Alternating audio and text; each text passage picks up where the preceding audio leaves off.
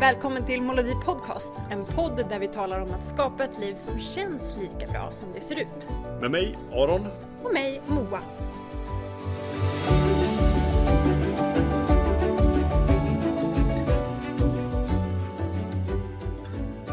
Hej Aron, välkommen till dagens podd. Tack Moa. Kul att vara Kan här. inte du säga det du sa alldeles nyss, för det var så bra. Ibland så trycker vi på räckknappen lite för sent. Ja, precis. Kan du upprepa det där smarta du sa alldeles nyss? Vi pratade om relationer och om att åldras och eh, lång, relationer som varar över tid. vi. Ja, precis. Och, och kanske åldrande över olika, eh, från olika perspektiv. Antingen Mm. som att eh, som eh, på sina eh, föräldrar. Att bli åldrande tillsammans. Ehm, och det kommer sig egentligen från, ja, men både från de egna erfarenheterna, men också varje gång man samtalar med människor som blir äldre, när man kommer upp Mm. mellan 65 och 80 någonstans. Mm, mm, Det, ju, det finns ju några stora, vad ska man säga, kriser. Eh, Det finns ju eh, alltså tra- ehm, transitionkriser. Vad heter transition på svenska? Övergångar. Brukar, Livsövergångar. livsövergångar. Ja, brukar säga. precis. Ja, mm. Ja, men man har ju liksom i tonåren, kan du hjälpa mig att nämna några fler? När man får barn. ja, alltså bara alltså flytta till en annan del av stan eller byta stad eller byta land. Ja, precis. Eh, att gå igenom eh, puberteten, att komma in i klimakteriet, att få Precis. tonårsbarn, att få Ja. barn överhuvudtaget eller att välja att inte skaffa barn. Just det.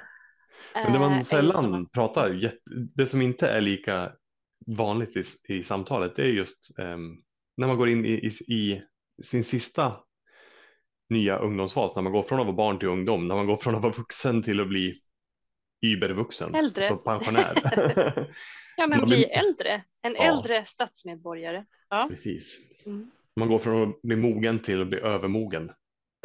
Det finns många liknelser. Nej, men där händer det någonting eh, väldigt mycket. För det första så blir det ju det att man tappar väldigt mycket sammanhang utifrån vilka man har identifierat sig förut inom en, hur man skapar Mm. och hur man upp, upprätthåller sin identitet. Det kan vara i, i, i förhållande som eh, till förälder, till sina barn.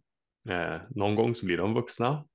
Eh, det, eh, och och, och, eh, det blir det jag märker när jag träffar och pratar med människor det är att det blir en jättestor skillnad när ens barn själva får barn. För då blir Mm. det, om man tänker att, att ens familj och ens nära människor är som en väv omkring en. När någon skaffar en egen liten kärnfamilj, då flyttas man som förälder ut ett hack i den här väven. Och det kan vara en, en smärtsam eh, förflyttning.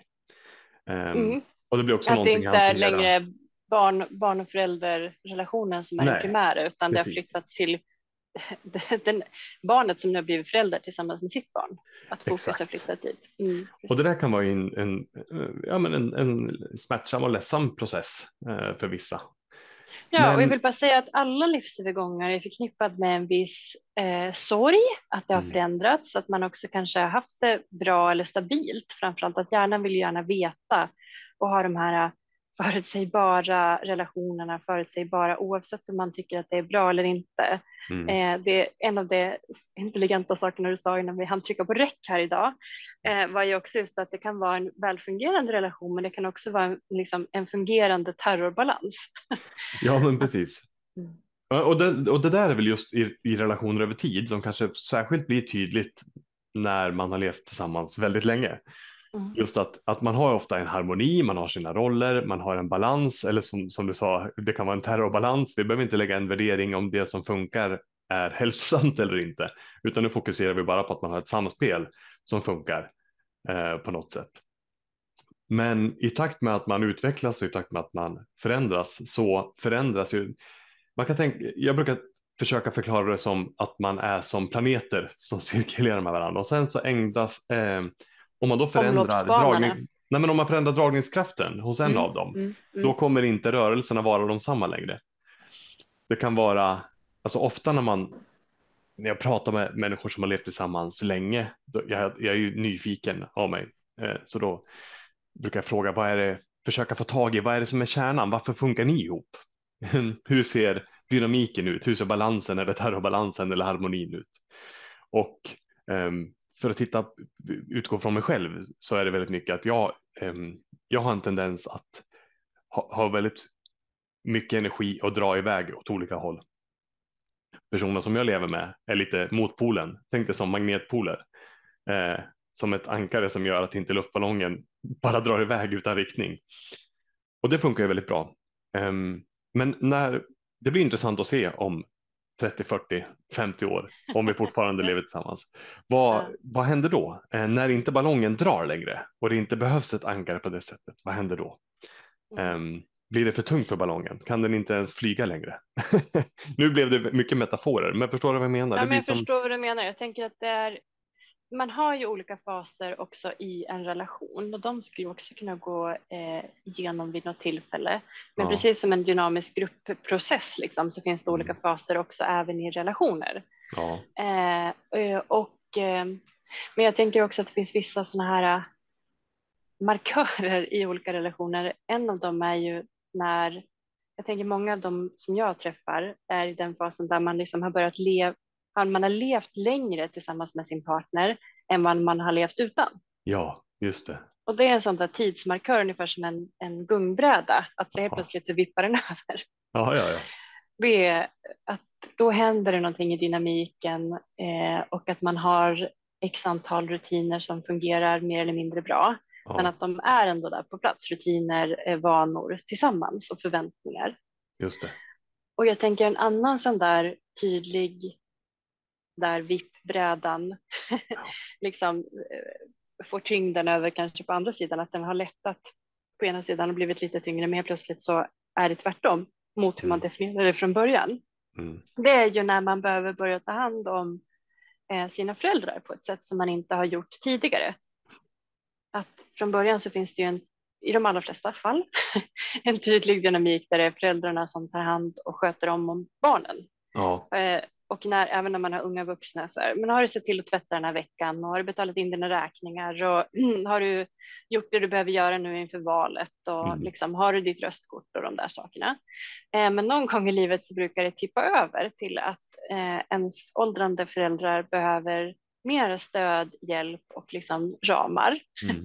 och att man som barn eh, får hjälpa till att hålla i dem lite grann och det kan ja. gälla både psykologiska, eh, alltså på den psykiska sidan, att man behöver hjälp att hålla strukturen i vardagen eller betala räkningar eller komma iväg till doktorn eller vad det är.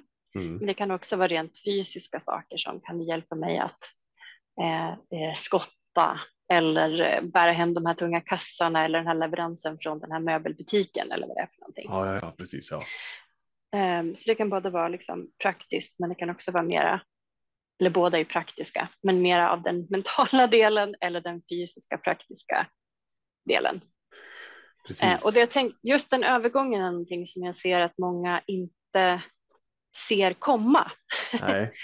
eh, utan när den kommer så är det ofta förknippat med att det blir en viss eh, irritation, frustration och sorg mm. i det där. Att det har skiftat på grund av olika saker. Att man fortfarande är i en fas i livet där man känner att man behöver stöd eh, av sina föräldrar och inte kan få det av olika anledningar på det sättet som man eh, skulle vilja ha eller Nej. behöver. Eh, eller bara att man, eh, det blir liksom en, en förändring i dynamiken ungefär som så här, nu, nu vänder vinden lite grann. Ja, just det. Eh, och det kan ju ske på olika sätt. Jag tänker även om man har den bästa av relationer eh, så är det ändå en förändring som sker. Definitivt. Mm. Det, och att det är bra att känna till den för att man också ska förstå att det är det det är. Vet man att det bara är en förändring i, som du säger, gravitationen mm. och att det är det här som sker då, då vet man att det är en normal del av resan. Men vet man inte om det så tror jag att man får eh, onödigt mycket eh, skoskav ja. den där perioden. Först det blir helt uppenbart att men gud, nu är det jag som behöver ta hand om eh, min partner eh, eller mina föräldrar. Så är det ju mm. också att i olika skeden i livet så kan det ju vara så att man behöver ta hand om sin partner på ett eller annat sätt. Ja, men definitivt.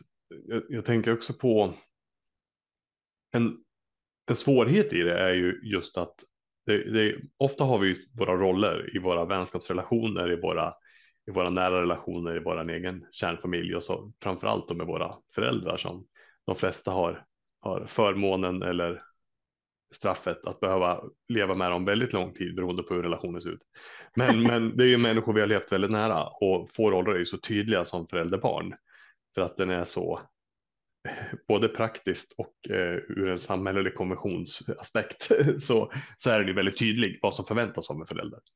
Och som du säger, det, det, det där hänger ju kvar. Det brukar ju vi skratta om åt att det spelar ingen roll hur gammal man blir, men det är fortfarande någons unge.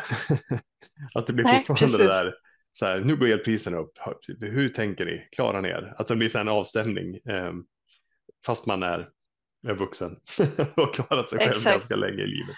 Våran, jag har en så här, jag har en sån här... som, eh, ja. som gick bort här eh, i, i våras som var 97. Jag har en dotter på, på 70 och det är fortfarande så här, ja men hej min lilla flicka, vad roligt att du kommer och hälsa på. det, och, och så någon fråga så här, har du, du ser väl till att, så här, du ser lite, äter du tillräckligt? Alltså lite den där, ja. Det går aldrig över liksom. Ja, men, men det är också, jag tänker, man visar ju omtanke på det där sättet också. Så är det. Mm. Men, men just det där med det jag ville komma till var att det är en så otroligt stark rollfördelning förälder-barn. Och eh, partner och partner. Eh, man har haft den här balansen, man har haft den harmonin, man har haft de här rollerna, man har haft de scheman, rutinerna under så otroligt många år att det liksom för många definierar vem man är. Det är utifrån mm. det man handlar.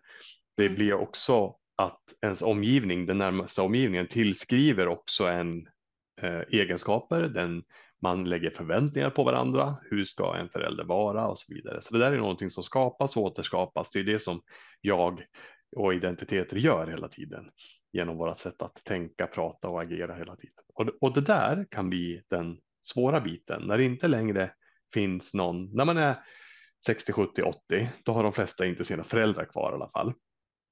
Och då finns det ingen att prata om i nästa steg. Hur var det för dig när du var i den här åldern? Nej, nu är jag här.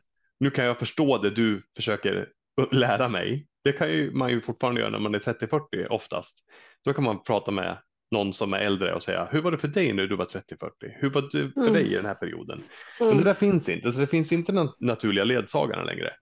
Och då står man kvar med en gissning på sin egen förväntan på sig själv. Man har en så stark identitet sedan förut som förälder. Och det blir också svårt, det, det, kan vara en utmaning att trampa den här nya marken, både själv och tillsammans. Okej, var är jag nu? Vad innebär att vara förälder till ett vuxet barn som själv har barn? Um, vad förväntas av mig då? Vad behöver jag göra? Vad kan jag göra? Mm. Mm. Vad vill jag göra? Det är ju därför det blir så mycket ringar på vattnet. Att först gå igenom den här krisen som det innebär att totalt um, byta ut alla sammanhang där man tidigare skapade sin identitet. Nu fastnar jag på den biten, men den är så central i det. Mm. Så det är den första, att för, för, först försöka reda ut vad fan håller jag på med? Vad vill jag ens? Hur känns det? Varför känns det så här? Och sen kommer ju nästa del, hur det påverkar dynamiken i alla de relationer man har omkring sig. Och hur vill jag omskapa mig, alltså omskapa mig själv också? Ja. I den här nya delen av mitt liv.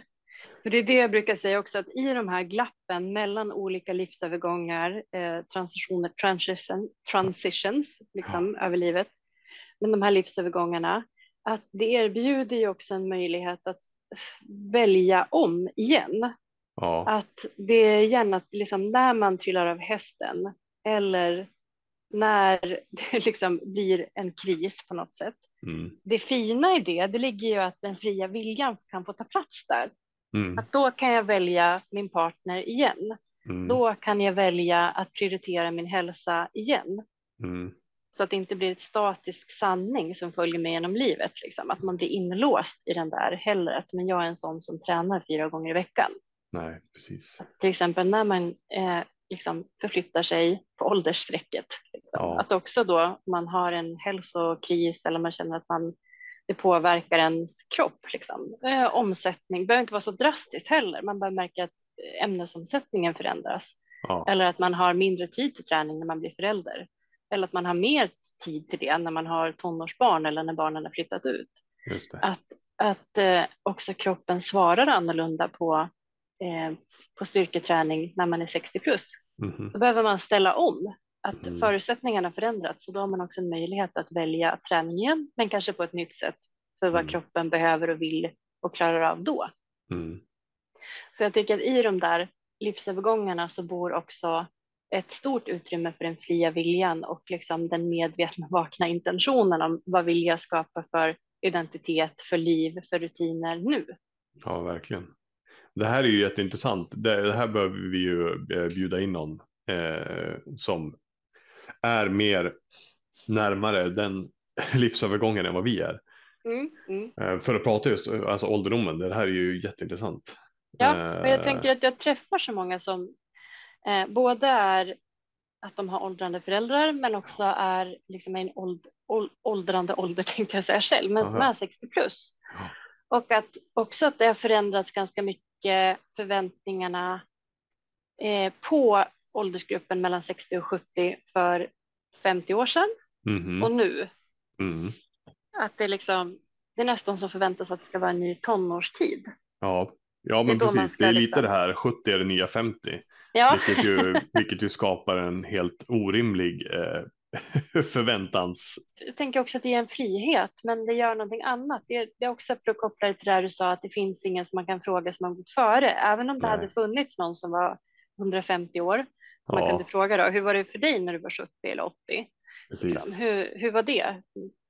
Ehm, så tänker jag också att tiden har förändrats så pass mycket, så att det också är någonting annat.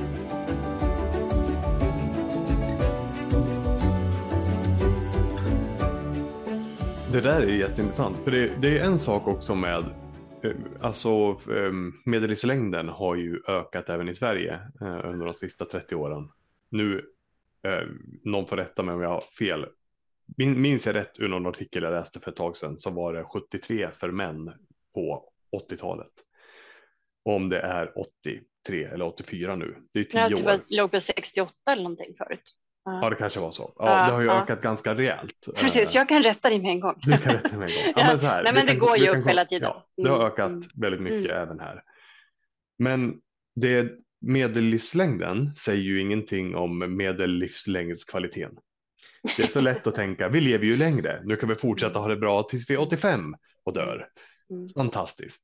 Men det Mm. säger ingenting om hur vi mår de här åren, om livskvaliteten. Det finns ju Mm. en idé och en förväntan, just det här att, att det ska vara en ny ungdomstid. Nu kan man göra vad man vill. Nu Mm. ska man, nu ska man, eh, man kan fortfarande Åka på golfresor med vännerna. Ja, Ja, exakt. när du är 70. Du kan fortfarande eh, ha swingersparty fast du är 67. ja, men det är ju det är min Ja, nidbild av om. rapportering. Ja, ja, precis. Jag har många år på mig att men- bygga upp den poolen. Men, men det, är, det är min nidbild av medias, ehm, eller medias, men av, av hur man skriver om Ja, åldrande. men, så- ja, men och det exakt. finns ju en positiv swing i det att man behöver inte sluta leva bara för att man blir äldre. Men jag vet inte hur rättvis är bilden.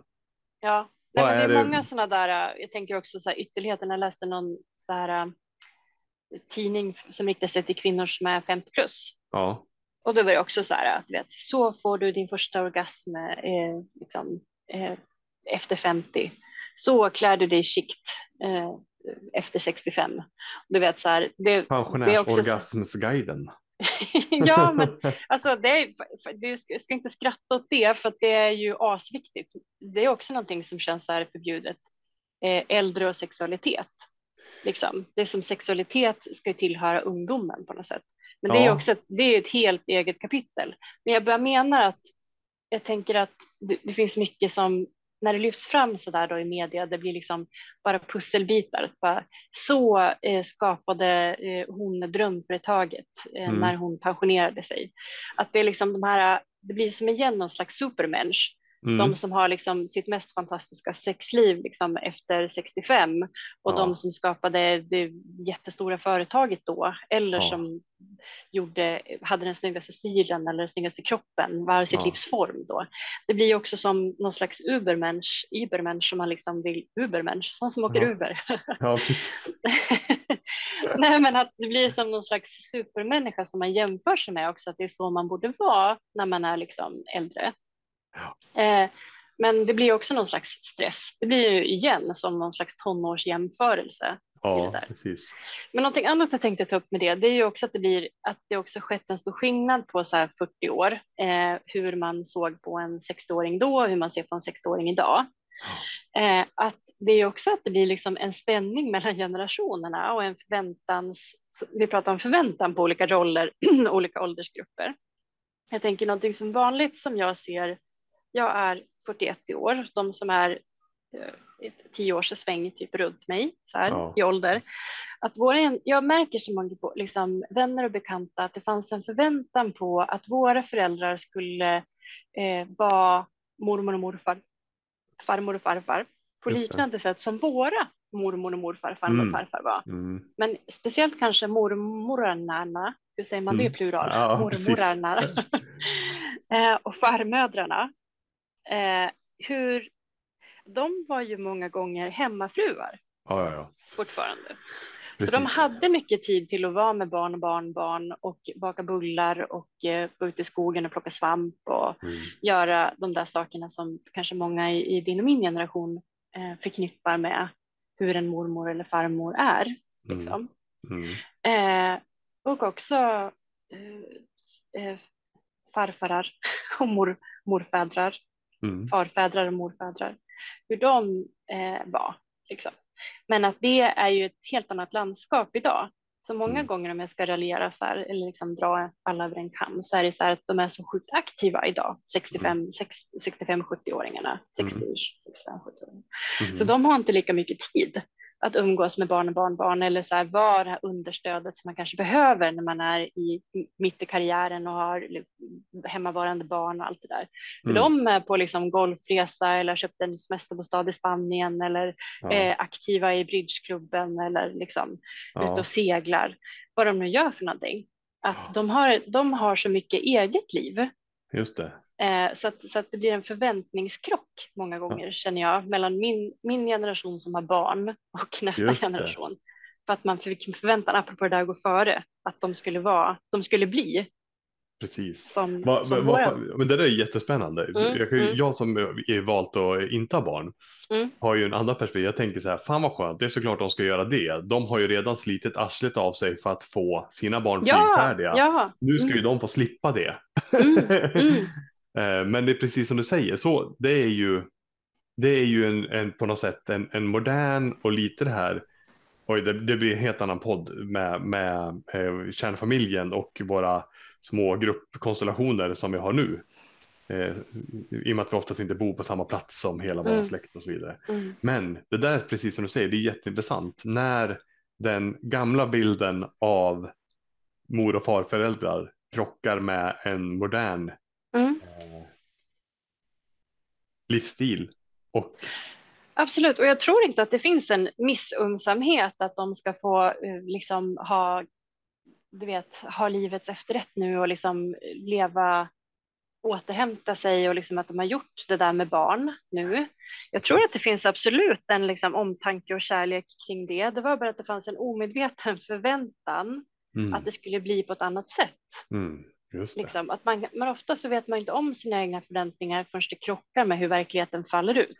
Nej, Liksom. och det får man ju ofta reda på först när man tittar på varför skaver det lite. Ja, och att Precis. det är många i min generation som har räknat in redan innan de skaffade barn eller när de hade små barn att nu kommer det bli så här. Mm, Eh, sen är det inte alla som har lyxen och det där är ju om man har eh, väldigt liksom välfungerande, eh, friska föräldrar som är pigga Ja, och har mycket precis. energi. Då kanske man inte har så mycket av dem därför. Men sen eh, det, kan det ju vara så att man har föräldrar som har dragit på sig en eller annan åkomma genom livet. Liksom mm, eh, psykisk eller fysisk som gör att de inte kan eller har möjlighet till det. Just det. Eh, och sen finns det större utrymme idag också att säga att jag har ingen lust. Men vad Jag har inte så stort intresse Nej, av att umgås med mina barnbarn. Det är ju liksom, vad spännande, för jag har, jag har också nämligen, för jag har också motsatsen i, i Mm. människor jag har träffat som har ett par som har som är förstagångsföräldrar har ett, ett barn på runt kan det vara, ja, mellan ett och två år. Som är nästan, där är det snarare mor och eh, farföräldrar på båda sidor som känner en avsaknad av varför får vi inte komma in? Varför får vi inte vara Ja. den här? Då är det, apropå förväntansgrej, mm, där är det snarare så att det är förväntan på vad en mor, morfar eller mormor eller farmor roll ska vara, att den kommer från deras sida och inte från barnets sida på så det där kan ju komma från båda hållen. Där är det med barnen som, nej men låt oss göra kärnfamilj nu. Låt mig mm. öva på att vara mamma. Låt mig ge mig lite space. Alltså du vet nästan mm. som att, att föräldraskapet kommer i hand i hand med en liten frigörelseprocess. Hänger du med på det? Mm. Ja men att verkligen. Just det här med tänker... förväntan, det, det, måste inte vara att, föräld, eh, att, att man som förälder har en förväntan på vad ens egna föräldrar ska ha för roll mm. i ens familj. Utan det kan ja men absolut. Komma. Det kan vara tvärtom också, att de är mm. för engagerade eller vill ta för mycket mer ansvar än vad man skulle vilja. Vet du, nu när du säger det så tänker jag dela med mig av vad som var otroligt viktigt för mig och min man i förhållande till våra föräldrar som är eh, otroligt kärleksfulla, engagerade eh, liksom, personer. Men det, var, det blev en annan dynamik när de liksom, jag tror att de har pratat sinsemellan, men när de började fokusera på att stötta mig och min man i vårt föräldraskap mm. istället för att vara, försöka vara försöka vara, jag säger provprata lite nu, mm, komma in och liksom, de, vet, de har ju gjort det här förut, eh, så att komma in och liksom vara föräldrar till ja. våra barn. Det ja, handlar egentligen om både mina föräldrar och min mans föräldrar. Att säga nej, men gör så här istället och åh, gör inte så, gör så här istället. Och liksom, det är också den här föräldrakärleken och omtänksamheten som vi har från stora lyxen har både från mina föräldrar och från min mans föräldrar. Ja. Eh, eh, men det gjorde en otroligt stor skillnad när vi hittade liksom, eh, självförtroendet och också sättet att kommunicera. Sig. Men nu får ni backa. Vi tar hand om våra barn. Lita på att ni har gjort det bästa med, med oss. Just det. Så att vi har kapacitet och kärlek och intelligens och allt vad man behöver. Uthållighet, uthållighet men också vad heter det, Tål, tålamod mm, i vårt föräldraskap. Mm. Eh, att vi kommer klara det här. Men när de backade tillbaka så okej, okay, men vi stöttar er. Vad behöver du? Vad behöver du mm. för att kunna vara så bra förälder som möjligt? Det var en jätteviktig sak för mig i den dynamiken. Mm. Eh, oss emellan som tre generationer, så mm. mamma och pappa, Absolut. mig, mig och min man eh, eh, och eh, våra barn. Liksom. Mm. Att inte vi behövde konkurrera om föräldraskapet. Nu jag konkurrerar med eh, situationstecken här. För att de vetat bäst. Liksom. Alltså, ja. Vi har ju den stora lyxen också att ha både pedagoger, superpedagoger och psykologer liksom, och otroligt mycket kärlek i de här föräldraparen som vi har bakom oss som stöttar oss i allt. Det är fantastiskt.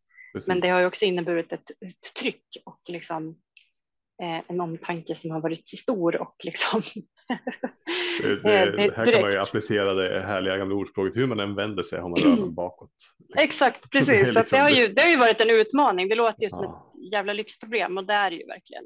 Mm. Eh, men, men det eh, har ju varit andra sidan av det. Ja, precis. Liksom.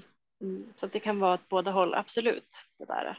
Eh, Ja, men det är spännande. Men jag tänker att eh, det här får vara ingången och lite grann som en teaser till. Jag har hört Aron att du eh, fnular på att skriva en bok. Eh, allt, allt du behöver veta innan du blir fekalieinkontinent. Ja. ja jag ser fram emot att, läsa den här boken för att få lite mer guidning i hur jag ska förhålla mig till mitt eget åldrande. Det är ju också någonting som är ofrånkomligt, men också ja. när människor omkring mig eh, åldras, vad jag kan vänta mig i de livsövergångarna, eh, vad jag kan göra eller förstå för att det ska bli lite lättare, lite enklare och kanske till och med roligt. ja, det låter bra. Ja, precis. Den är eh, release 2025 kanske. Om jag jobbar på. ja, exakt. hittills är det massa, massa intressanta samtal med människor. Ja, men exakt. Ja. Och jag tänker att det är ju någonting som även om jag pratar mycket om livsövergångar så just åldrandet har ju inte varit eh, det som jag fokuserat på än. Det kanske beror på att jag inte är där än heller. Nej, men, men jag precis. märker att det finns ett stort behov av att prata om eh, både då faktiskt har jag nu när vi pratar, dynamiken mellan generationer men också mm. sitt eget och andras åldrande.